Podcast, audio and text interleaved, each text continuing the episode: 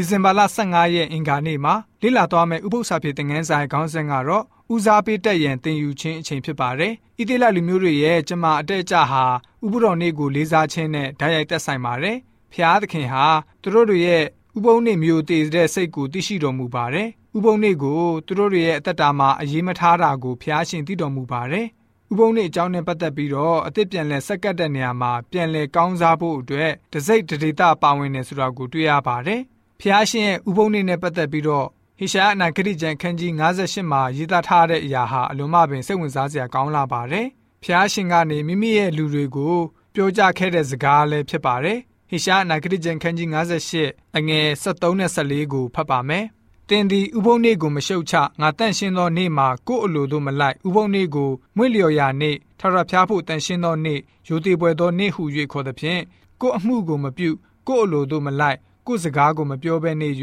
ထိုနေ့ကိုယူသေးလင်တင်းသည်ထထဖျား၌ပျော်မွေးရလိမ့်မည်မြေကြီးပေါ်မှမြင့်သောအရက်တို့ကိုငါစီးစေ၍တင်းဘယာကုပ်၏အမွေဥစ္စာနှင့်ငါကျွေးမည်ဟုထထဖျား၏နှုတ်တော်ထွက်အမိန့်တော်ရှိ၏ဆိုပြီးတော့ဖော်ပြထားတာတွေ့ရပါတယ်ဣတိလလူမျိုးတွေဟာဖျားရှင်ရဲ့နောက်တော်ကိုလိုက်တဲ့သူတွေဖြစ်သတ်မှတ်ထားပါတယ်ဝပြုကိုးကွယ်ပုံအစာရှောင်ပုံတွေဟာအလွန်ကောင်းမွန်လှပါတယ်သို့တော်လည်းပဲအဲ့ဒီဝပြုခြင်းအစာရှောင်ခြင်း ပြီးသွားတဲ့နောက်မှာတော့သူတို့ရဲ့အသက်တာဟာဖျားသခင်ရဲ့ပြည့်ညတ်တော်ကို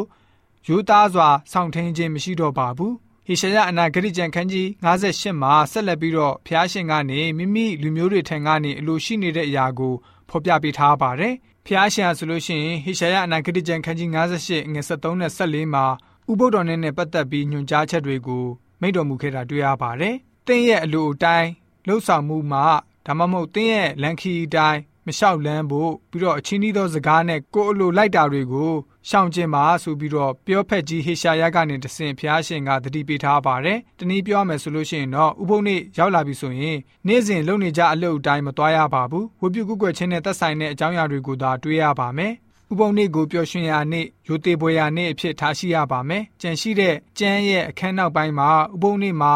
ပျော်ရွှင်ရာနေ့ဖျားသခင်ရဲ့အလိုတော်နဲ့အကြံစီတော်ကိုတင်ယူလေ့လာရတဲ့နေ့အဖြစ်မှတ်ယူတတ်ရပါမယ်။ဖျားရှင်ရဲ့ဇရိတတော်အတိုင်းစူးစမ်းပြီးတော့အခြားသူတွေကိုပေါင်းတင်နေထိုင်ကြရပါမယ်။ဥပုံနေ့ကိုဘယ်လိုမျိုးဆောင်ထမ်းရမယ်ဘယ်လိုမျိုးဝတ်ပြုရမယ်သိအောင်နဲ့မလုံလောက်သေးပါဘူး။တင်ယူခြင်းဟာအသက်တာတစ်လျှောက်လုံးနဲ့အတူပါရှိသွားရပါမယ်။ဒါကြောင့်ဥပုတော်နေ့ဟာဦးစားပေးတတ်ဖို့တင်ယူခြင်းအချိန်ပဲဖြစ်ပါတယ်။ဒီလိုကြောင့်ကျွန်တော်တို့ယုံကြည်သူများအနေနဲ့ဖျားရှင်ရဲ့ဥပုတော်နေ့ရောက်လာပြီဆိုလို့ရှိရင် ဥပုတော်နေ့ကိုပျော်ရွှင်စွာ